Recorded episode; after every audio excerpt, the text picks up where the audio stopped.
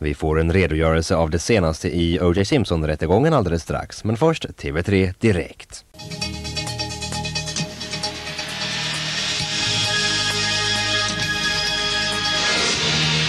Till att börja med så var det kaosartat varje dag. Det fanns de som eh, tyckte det inte alls var bra, som valde att sluta. Det såg för jävligt ut. Han knäckte ett ägg mot huvudet då i direktsändning. Gärna sex och gärna mycket krimgrejer och sånt där. Allt som stack ut. TV-fabriken Dokumentär om TV3 Direkt.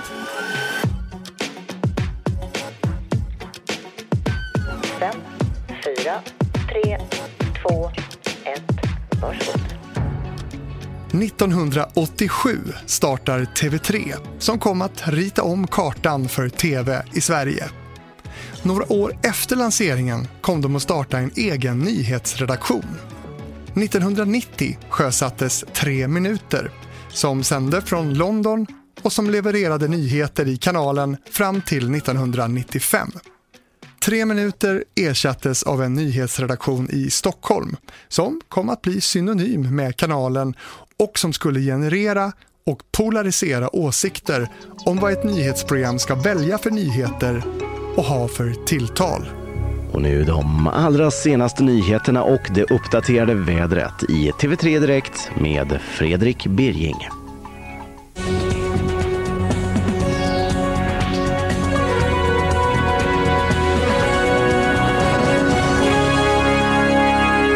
De ska måla samma väggar i fem månader.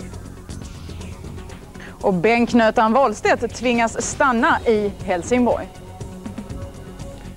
God kväll. I vansinnesfarter blåser mc-förare fram på de svenska vägarna. Men Jag heter Fredrik Birging och jag jobbar numera som live-reporter på P4 Västernorrland, Sveriges Radio. Men förr i världen då var jag nyhetsankare på TVC Direkt. Jag hamnade på TVC Direkt genom att jag gick en eh, ettårig medieutbildning på Medieskolan i Stockholm.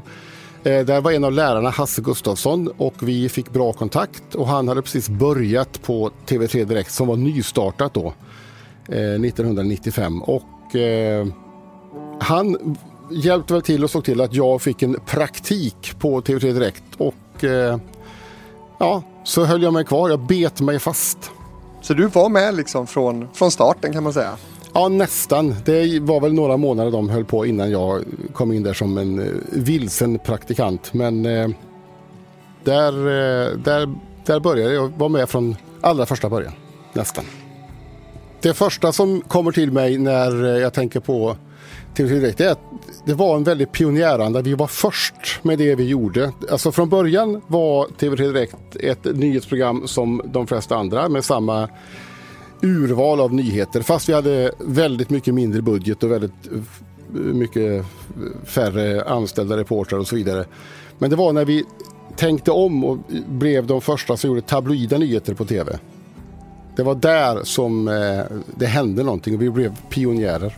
Jobbet som blytung basist i Metallica är ledigt och vem som helst har chansen att söka tjänsten. Ingen hade någonsin prövat att göra så att säga då, kvällstidningsjournalistik på tv och det var många som, som jobbade där som undrade vad det, vad det gick ut på. Jag själv förstod inte hur det skulle se ut eller gå till. Men eh, efterhand, vi prövade oss fram och eh, till slut så hittade vi en formel som eh, vi själva gillade och som eh, tittarna gillade. Ja, det allra första som jag råkade ut för, där en kollega tackade nej till det här uppdraget, det var när eh, Ehm, eh, Eva Attling och Eva Dahlgren eh, la in om hindersprövning för att de skulle gifta sig. Eh, och det där ansågs ju då 1995 eller kanske början på 90, 1996 att det var liksom en liten eh, skvallernyhet och en lite snaskig nyhet och sådär. Men jag tog mig an det för jag hade inte så mycket val. Jag var ju ny och grön och sådär. Så att jag träffade helt enkelt någon på RFSL som fick eh, förklara vad det här betydde eh, för eh, gay-communityn. Och hon kunde ju inte nog understryka betydelsen av det här äktenskapet mellan Eva Arting och Eva Dahlgren. Så att för mig var det så, då blev det så klart att det handlar inte om att man ska vara en skvallerjournalist utan det handlar om val av ämnen. Och att vi kanske då valde ämnen som låg, jag ska inte säga att det alltid var så, men att, att vi försökte lägga oss lite närmare våra tittare.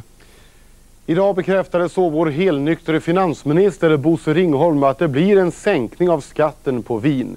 Något som EU länge krävt eftersom ölskatten är lägre än vinskatten i Sverige. Ja, när vi då gick från att vara vanlig, eh, vanliga nyheter till våra tabloida nyheter.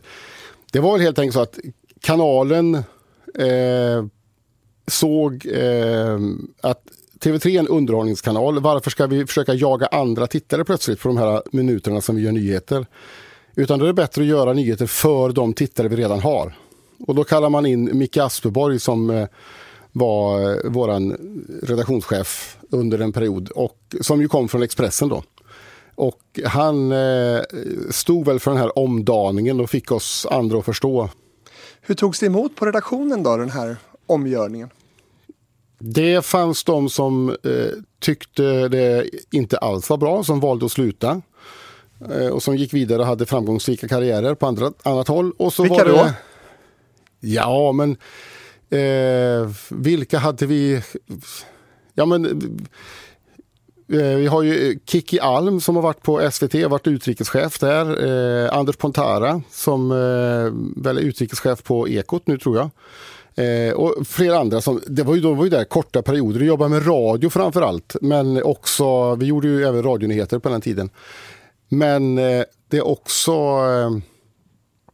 eh, det, var, det var lite svårsmält för en del helt enkelt som valde då att gå till public service istället. Eh, men eh, jag hade ju liksom inte så mycket att välja på. Jag var ny och färsk och grön i gamet så att jag hängde mig kvar och insåg att det passade mig väldigt bra. Det här format, att eh, göra nyheter som speglar livets upp och nedgång. Alltså, det, det får vara roligt också. Det är inte bara allvar hela tiden. Vi hade ju liksom ett motto att eh, avsluta med ett leende.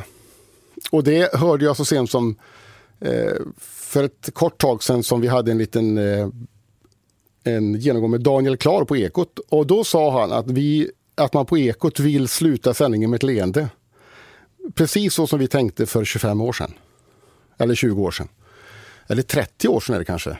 90, ja, det är länge sedan i alla fall. Eh, ja, 30 år sedan eh, nästan.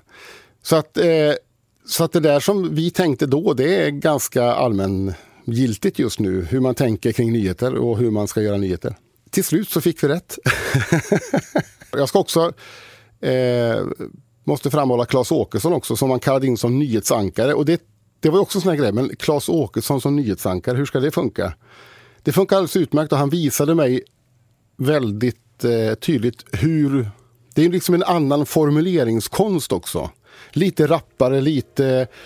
lite eh, Eh, man vågar ta ut svängarna lite mer och det var precis det som han visade hur det skulle gå till.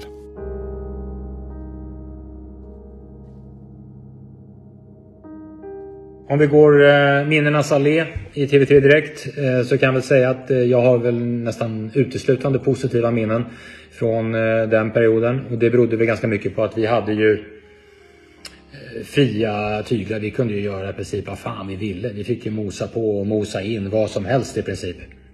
Så det var ju naturligtvis en, en eh, jävligt roligt. Och jag minns att jag hade ju jag var ganska intresserad av Jarl Alfredius på den tiden. Jag tyckte han hade, han hade lite maner som jag tyckte var spännande. Så att jag imiterade, eller imitera gjorde jag ju inte heller. Parodi gjorde jag inte heller. Jag vet inte fan vad det var. Men jag, alltså hur som helst. Eh, Jarl Alfredius hade alltid en grej. Eh, efter, när, efter ett inslag, när ett inslag hade rullat i Aktuellt och man kom tillbaka till studion eh, så gjorde Jarl Afrelius nästan alltid en viss grej med fingret upp i ansiktet mot läpparna och sen ett läte och jag gjorde ju eh, likadant då. Titta in i monitorn, såg inslaget rulla. Så var man tillbaka i studion, liten kort konstpaus. Mm. Går vi vidare. Eh, den gjorde han och den gjorde jag. Det var ganska subtilt får man väl säga. Eh, lite roligt tyckte jag. Vissa andra också. Det var inte så många som förstod. Men det spelar ingen roll. Jarl tror jag inte förstod. Eh, men det vet jag inte heller. Det negativa, det var väl att det var ganska ensam. Eh, man gick ner i en källare, solo, ingen kameraman. Det fanns inget, eh, ingen sminkös, man sminkade sig själv. Eh, vilket inte var någon bra idé för det såg för jävligt ut. Eh, och sen så gick man in i den där studion. Fick någon nedräkning någonstans ifrån, jag vet inte var. Eh, och så körde man. Så det kändes ibland som att man gjorde de här, satt och gjorde de här nyheterna för sig själv bara. Men det gjorde man ju inte för att det var ju faktiskt ganska många som tittade. Men jag tror det kanske var positivt att man hade den känslan att man gjorde nyheterna i princip bara för sig själv. För det gjorde ju att man vågade ta ut svängarna. Betydligt mer tror jag eh, än vad man hade vågat om man hade suttit i till exempel Eh, Jarl Alfredius Aktuellt studio. För vi ska ju ha jävligt klart för oss att det här var länge sedan.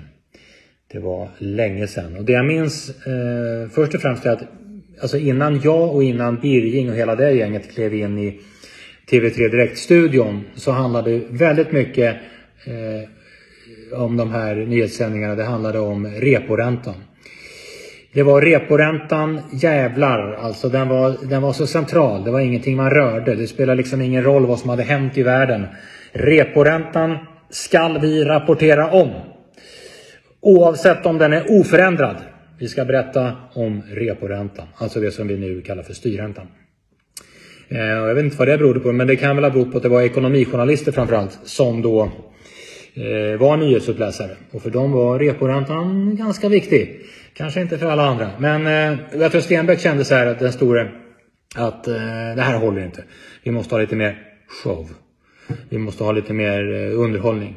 Och då frågade de mig, eller om de nu eh, gav mig en order, det minns jag inte riktigt eh, att köra de här nyheterna. Och jag jobbade egentligen på sporten då. Jag jobbade med Champions League-fotboll, italienska ligan, hockey-VM, EM och VM-kvalmatcher och sånt. Så jag var bara sport.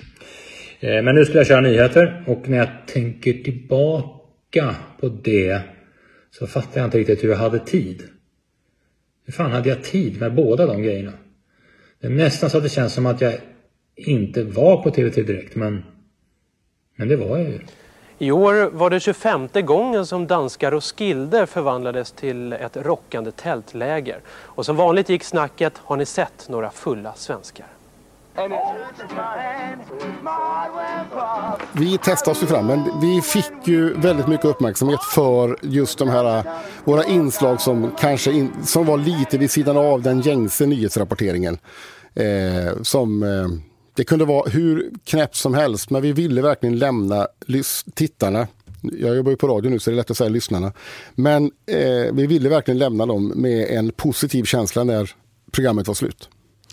Det var ett annat medielandskap då. Eh, det här som ni gjorde då, det blev ju väldigt kritiserat. Det, var, det kallades oseriöst och snuttifierat och, och allt möjligt. Hur, hur, såg ni då på, på kritiken som, som programmet fick?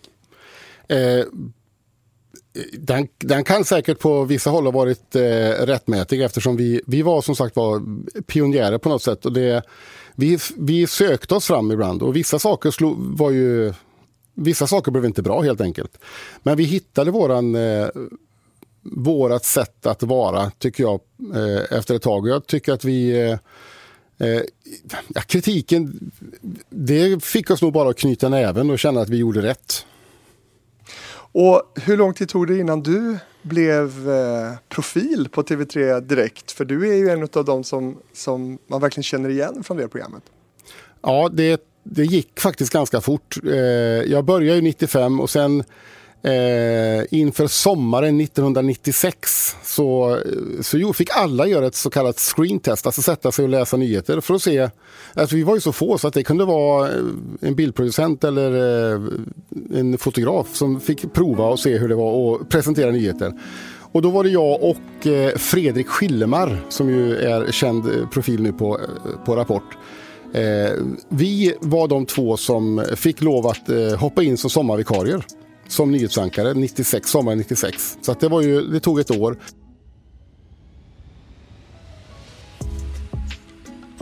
Eh, Fredrik Schillemar. Jag är numera programledare på Rapport. En gång i tiden så var jag programledare på TV3 Direkts radioavdelning ska jag säga. För trots namnet så sände vi radio. Vi konkurrerade med TT och TV4 om att sända kortnyheter i reklamradion. Eh, och jag var också reporter på tv-delen och faktiskt gjorde mina första stapplande försök som tv-programledare i TV3 Direkt, i tv alltså. Det här var mellan, eh, jag började, eh, jag hade jobbat ett år på Radio Stockholm som programledare där också för nyheterna. Eh, och så dök det upp den här möjligheten, ja man sökte runt, det var något som hette P6 som sen blev TV3 Direkt och där behövde de eh, folk som eh, ja, kunde radio helt enkelt. Och jag sökte, det var en väldigt kort intervju. Chefen där, eh, verkställande redaktör som han kallades, inte VD utan VR. Eh, Micke Aspeborg som för övrigt är gift med Lisa Marklund, tror jag fortfarande, eh, författaren. Han var chef där och jag kom in där och där halvligger Mick, Micke i en stol med fötterna på bordet och, och, och säger jaha du vill börja här, varför det? Och så fick jag förklara det. Jaha, bra, när kan du börja? Eh, och, ja, jag kan börja omgående. Bra, vad ska du ha betalt? Och då sa jag en summa och eh, ja visst, du kan börja på måndag. Då var det för låg summa förmodligen? Eller? Förmodligen var det väl för låg summa, men man var ju oerfaren och, och så. Men, eh, men på det viset kom jag in på TV3 direkt, fast på radion då. Hur var det att jobba där då? Alltså jag var rätt ny som journalist då när jag började där så jag hade inte så mycket erfarenhet. Men så här i efterhand så, ja men det var rätt kul. Det var, det var en blandning mellan eh, Eh, folk från, eh, om man säger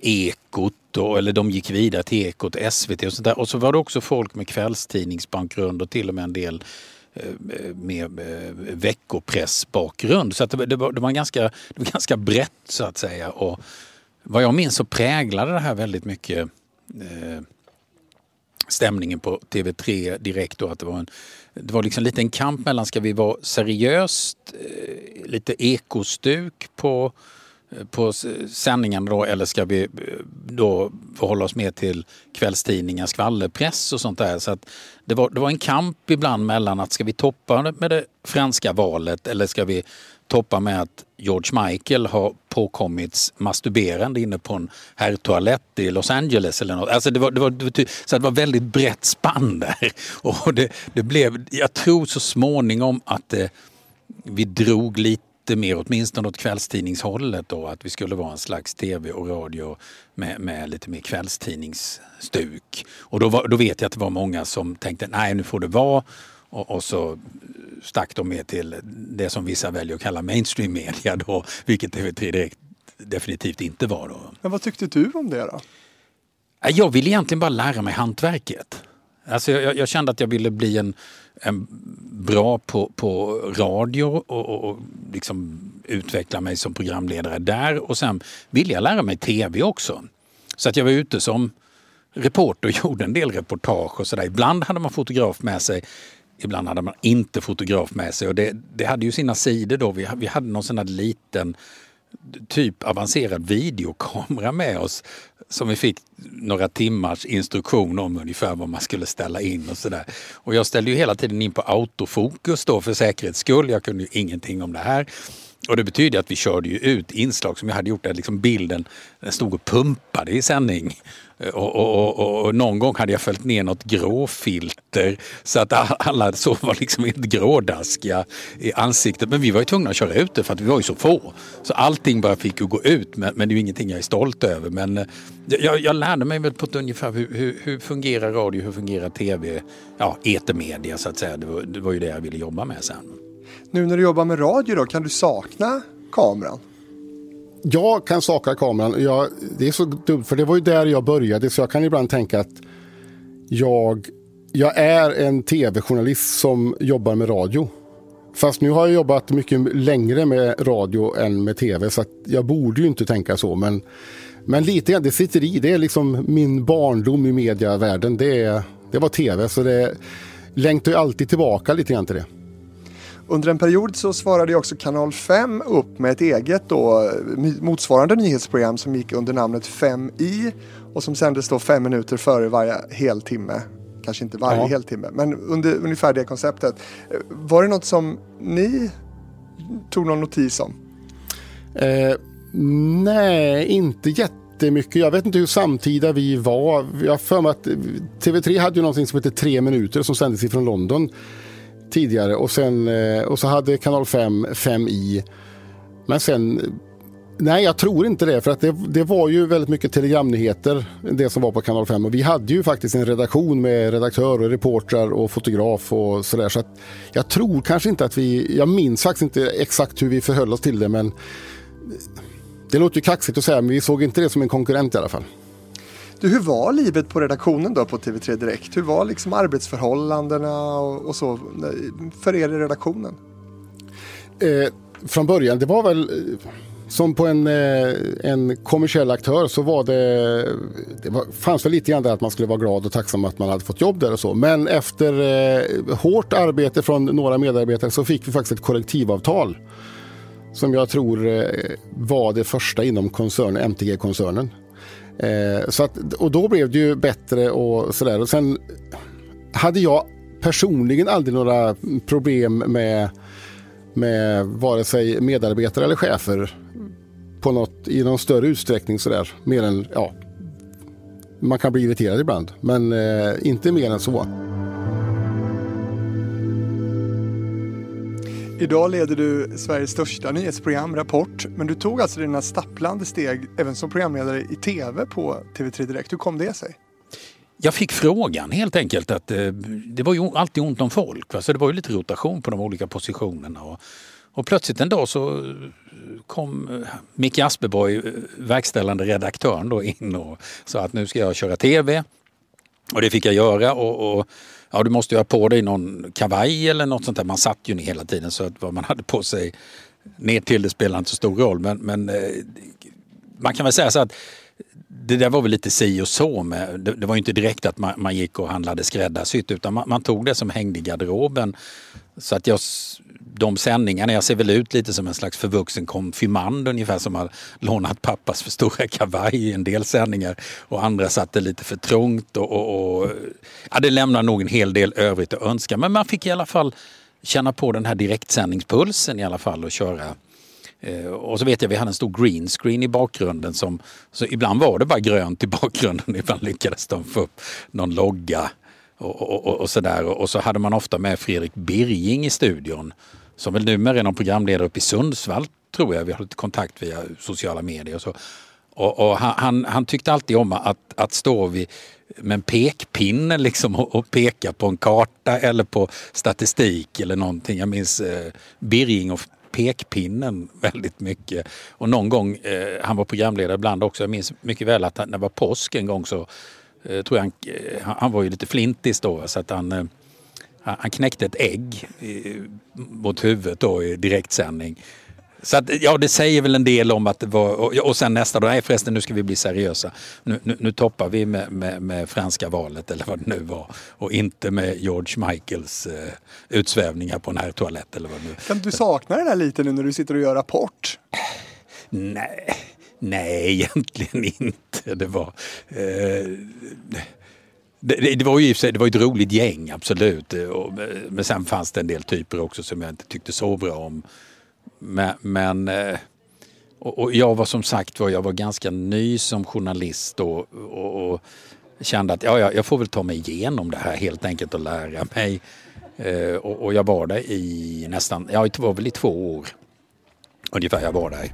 Och, och, och sen då så gick jag över till TV4 och, och var reporter där ett tag innan jag hamnade på SVT.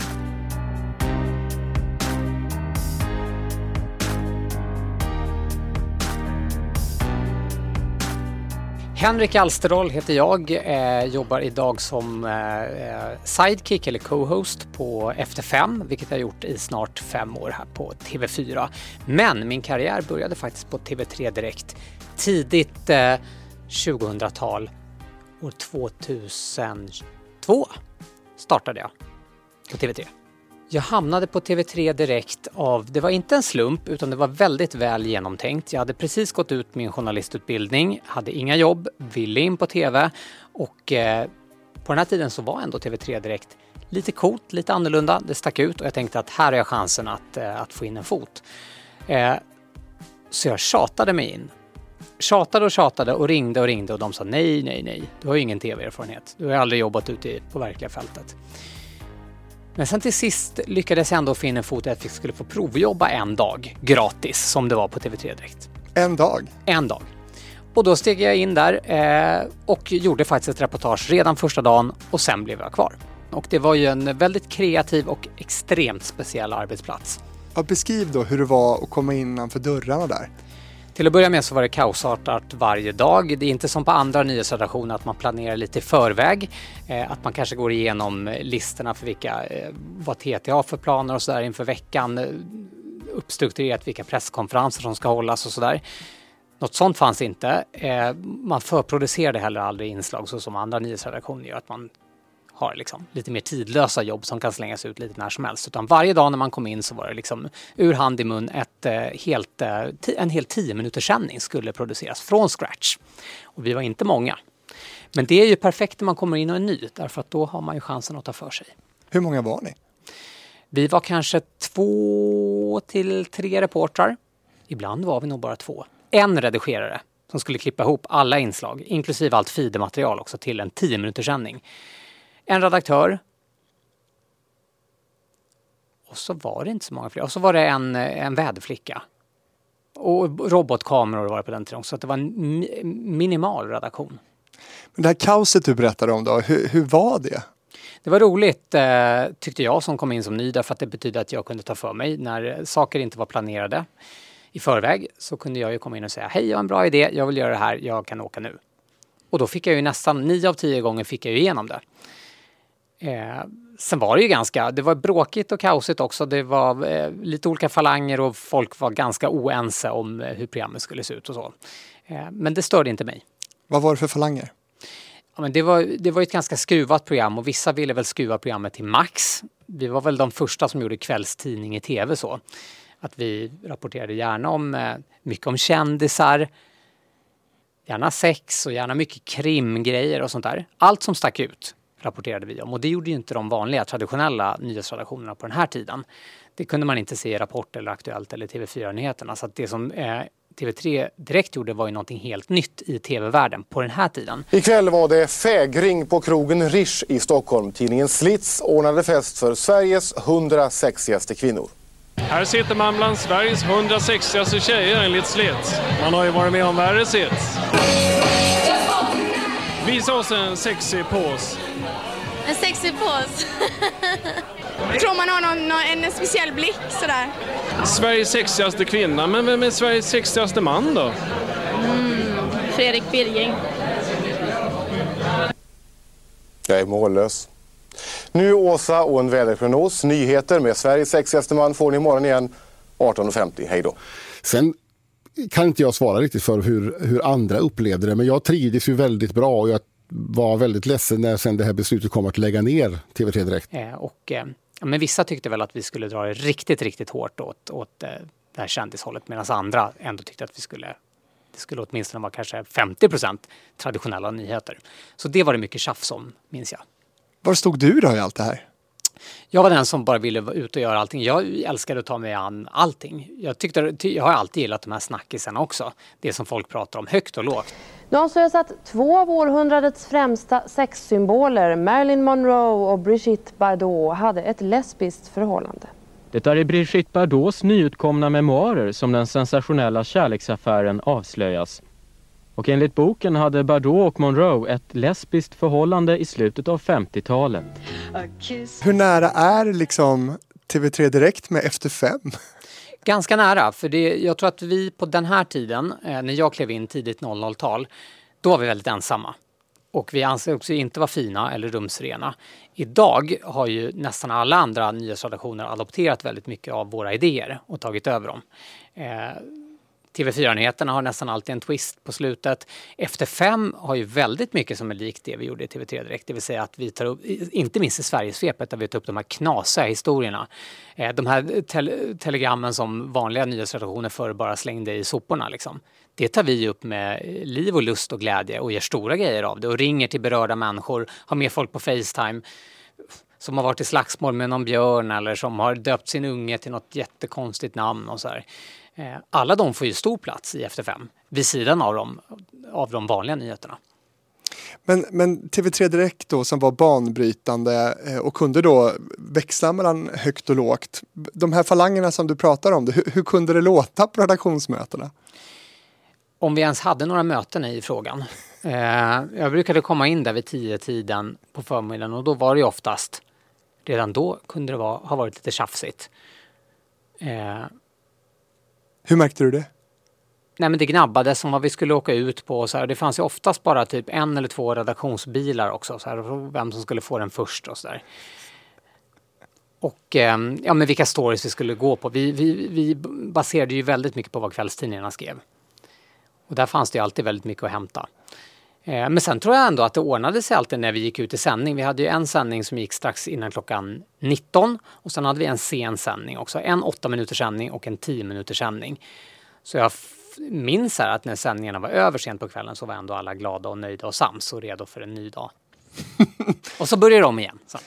Men de var ändå så pass långa sändningarna, det kommer man knappt ihåg. Nej, och jag tror att få minns det. För att om man säger TV3-nyheter, ja då, de, idag, då tänker de flesta, va, har TV3 någonsin haft nyheter? Och de som är lite äldre, de kommer ihåg de här väldigt korta nyhetssändningarna som heter Tre minuter. Då det bara dök upp en gubbe som satt i London och läste telegram. Och Conny Andersson typ? Till exempel Conny Andersson.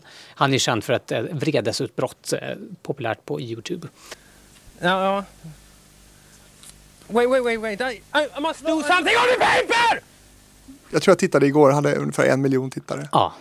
Och då, då satt de i en superliten studio i London då och bara läste telegram. Det var inte ens bildsatt på den tiden. Eh, och det här höll ju på i ganska många år och det är det som de flesta förknippar med TV3-nyheter. Mm. Men det var väl säkert i en sju, åtta år som TV3 Direkt var riktigt långa nyhetssändningar. Inklusive väderflicka som presenterade vädret och det var ett tag var det sportsändningar också. Med en egen programledare i studion. Och vi gjorde säkert kanske minst fem, sex reportage i varje sändning. De här väderflickorna, vilka var de? Det var ju då eh, Linda Isaksson hette hon då. Idag heter hon Linda Lindorf och leder Bonde söker fru. Hon eh, var väderpresentatör och eh, Battina, nu kommer jag inte ihåg vad hon heter i efternamn, eh, Battina Philipsson heter hon ju. Hon gifte sig med Aje Philipsson sen. Hon var också eh, väderpresentatör där. Och det var just inga meteorologer utan just snygga tjejer bara egentligen? Ja, snygga och duktiga och trevliga var de också. Men, eh, men de var inte där i egenskap av att de hade utbildning för att vara till meteorolog. Och vädret bandades också. De kom in någon gång mitt på dagen och hade två timmars arbetstid tror jag och, och bandade vädret. Ska du berätta något litet också om hur eh, redaktionen och hur studion och så såg ut? Vi hade ett eh, supersunkiga eh, kontorsmiljöer som låg eh, på Hangövägen alldeles intill Silja Line-terminalen. Det luktade jätteilla på morgnarna när Finlandsfärjan tömde latrinerna minns jag. Det var en jobbig start på morgonen. Och där eh, delade vi lokaler med TV8 som också hade verksamhet och Åke Ortmark hade en egen liten show, O som är Ortmark. Eh, det fanns en liten sportredaktion också. Och eh, några trappor ner så hade ZTV också några studios. Vimans hade något program där. Och så hade vi, det var en superliten studio. Men ganska snygg ändå, den var snygg i bild. Men den var jätteliten och jättetrång, bara robotkameror och ett väldigt litet kontrollrum. Oglamoröst, men mysigt ändå på sitt sätt. Prompter? Prompter fanns och det var redaktören som körde det.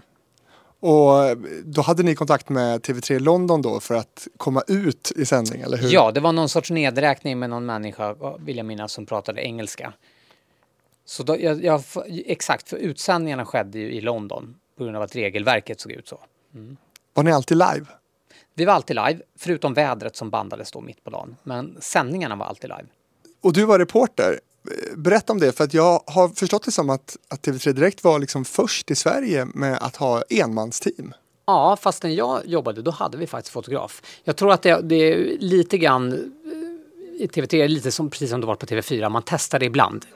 Och så upptäcker man alltid att det blir inte så bra de här enmansteamen. Och så börjar man jobba med fotograf också. Det, det, så har det ju varit i TV4 också genom åren att det har funnits sådana satsningar som sedan har lagts ner. Jag tror att det var enmansteam precis i början, kanske i slutet av 90-talet någon gång där.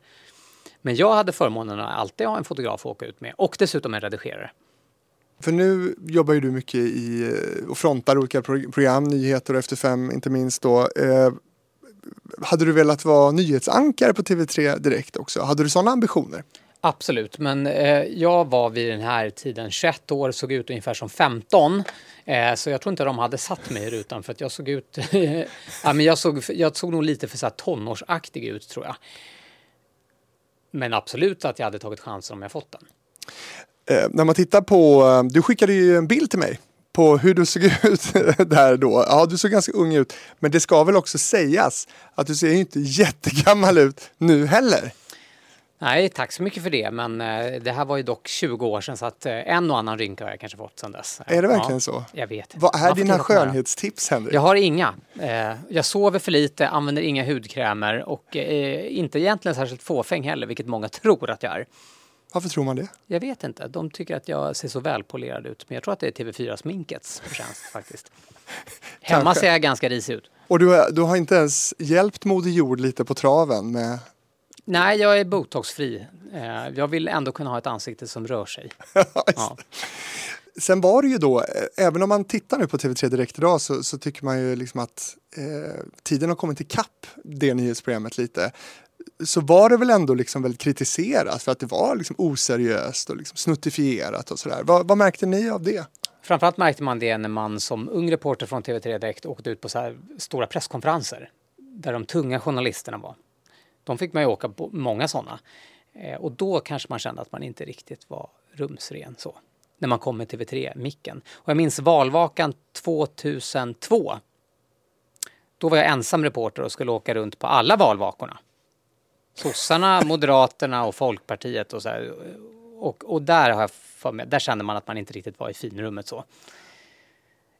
Det var, en, det var en politisk reporter för TV3 Direkt den kvällen och det var jag. Men vad hade ni för rykte då skulle du säga? Eh, när man kom ut i för, på, de, på den här tiden, då eh, tittade ju faktiskt unga människor väldigt mycket på linjär tv. Och, eh, men kanske inte just på nyheter, men de såg på TV3 direkt. Och det märkte man särskilt när man åkte ut i förorter. Då var det liksom folk mellan 15 och 25. Alla kände igen TV3-micken och alla tittade på TV3 direkt. Och det tror jag att många av de traditionella nyhetsredaktionerna var lite avundsjuka på, att vi faktiskt lockade en målgrupp som de inte kunde nå. Det hade ju aldrig gått idag att göra linjära nyheter på ett lite tokigt sätt och så hade 15-åringar suttit och kollat. Nej. Det är andra tider idag, men då gick det. Och det var ju roligt och det, jag tror faktiskt att de var lite avundsjuka på det.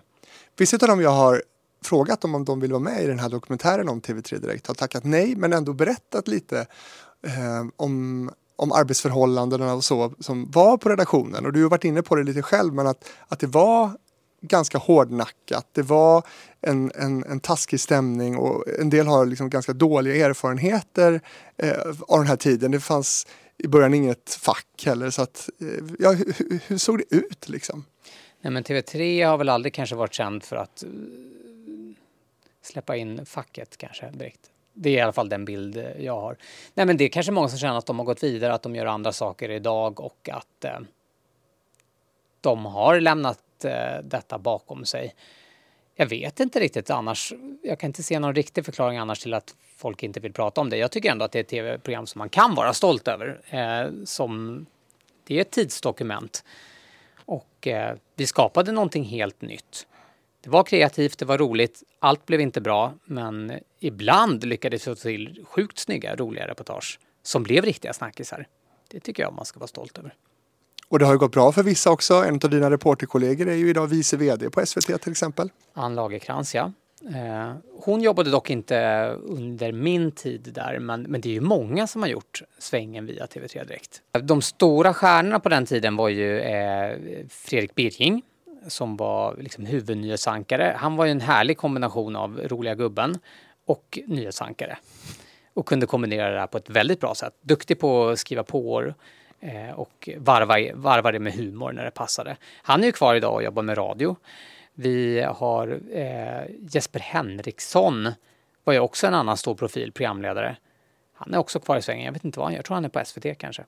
Och på Ekot nu tror jag. På Ekot också. Ja, han har hoppat lite mellan olika. Och varit här på TV4 också. Och eh, vilka har vi med? Ja, sen har vi Linda Nyberg såklart också som var en stor stjärna i TV3 och sen senare i, var hon ju en stor eh, profil även på TV4 och hon har lett eh, morgonprogrammen i SVT och sen har hon blivit någon sån här eh, näringslivshöjdare på senare tid. Så henne har det ju gått jättebra för. En otroligt duktig och driven tjej. Anne Appelberg också. Som också frontade programmet och var väldigt hypad. Hon ledde ju TV3 direkt och hon gjorde också det här Spårlöst försvunnen i TV3 och de satsade väldigt mycket på henne under en period där. Sen vet jag att hon var på Efterlyst som alla andra också varit på i den här branschen. Och nu tror jag att hon jobbar på Discovery och producerar en massa olika program. Nu är det dags att vända ryggen till. Efter åratal av bröstfixering är det äntligen rumpans tur att hamna i fokus. Modeskaparna gör kläder som framhäver stjärten. Modellerna blottar den och kändisarna vänder baksidan till och visar stolt vad de har både på film och i tidningar. Och storsäljaren på underklädesavdelningarna är inte längre push-up-bhn utan push-up-strumpan. Den lyfter stjärten lite grann och formar låren lite. Och det kan ju vara bra med tanke på att det är trendigt att visa upp en snygg baksida. Ryggen ska blottas med djupa urringningar och baken ska synas genom tunna, nästan transparenta tyger. Det gör också att stringtrosan är hetare än någonsin. Ett annat bevis på rumpfixeringen är allt snack om rumpor. Oprah Winfrey ägnade en hel timme till att... Jag jobbade sista året kan man säga i TV3 Direkts eh, TV3 Direkt-eran. I slutet av 2002 eh, vi hade ingen aning om att, vad som var på väg att hända. Vi tänkte väl att det här programmet kommer väl tuta på. Vi är väl populära. Men då kom det in några höjdare ifrån eh, huvudkontoret på Münchenbryggeriet. Vi satt eh, i, i, på Hangövägen nere vid Silja Line-terminalen. Ja, den dåvarande vice vdn tror jag skulle komma och ha ett möte med oss och då var det de eh, olyckskorpar som kraxade att han kommer nu för att berätta att vi ska lägga ner. Eh, men jag kunde inte tänka mig det eftersom vi vi var ju bra, vi hade en särställning bland svenska nyheter. Vi var ju inte störst på något sätt, men vi var egna. Vi gjorde inget, det som ingen annan gjorde. Eh, men beskedet var att det skulle läggas ner. Och då, eh, ja, det skulle göras om och det... Och så bara berättar de att eh, ni är nedlagda. Och så var det punkt så. Det var inte att de la fram det på något fint sätt eller så, utan vi var nedlagda och eh, så hade vi väl någon vecka på oss eller två och eh, plocka ihop våra grejer och sen var det slut. Och sen efter det så slaktade de de här 10 minuters sändningarna och så blev, gick de åter tillbaka igen till de här kortformaten. Att det bara blev liksom tre minuter långa nyheter med enbart telegram. Men fick vissa då stanna kvar och göra dem då, eller hur funkade det? Jag tror inte att någon fick stanna kvar, utan det, de bytte ut personalen helt. Det blev en ny redaktion. Och sen var det slut. Ingen avskedsfest. Det var tack och hej. Sen var det vissa som hade kontrakt med eh, TV3. Jag hade ett kontrakt med TV3 som löpte ytterligare några veckor och då fick jag jobba på Efterlyst några veckor. På Strix. Jag tror att folk blev ganska chockade för ingen hade en aning om att det, att det var någon nedläggning i sikte. Vi tyckte att det gick jättebra för programmet och att vi hade liksom ångan uppe och att vi började bli ändå ett mer väloljat maskineri. Men, men TV3 har ju alltid haft en historia av att eh, snabbt starta upp saker och snabbt lägga ner dem också. Det finns inte riktigt samma uthållighetstanke som det finns kanske på TV4. Och sen så gick man efter en tid så började man kalla det för update och då skulle det vara seriösa nyheter igen. Alltså då gick man ifrån sina kärntittare och gjorde, skulle göra seriösa nyheter igen. Och det var ju inte så långvarigt det heller. De Anna Järphammar va? Ja, hon var, satt där och hon var till och med redaktionschef tror jag. Man, man, måste vara gammal för att komma ihåg den här eran när hon var stor. Men, hon, eh, men det var ju så. Hon var eh, jättestor ett tag på 90-talet där. Ja. Men hur, eh, hur möttes då det här beskedet att man skulle lägga ner TV3 Direkt?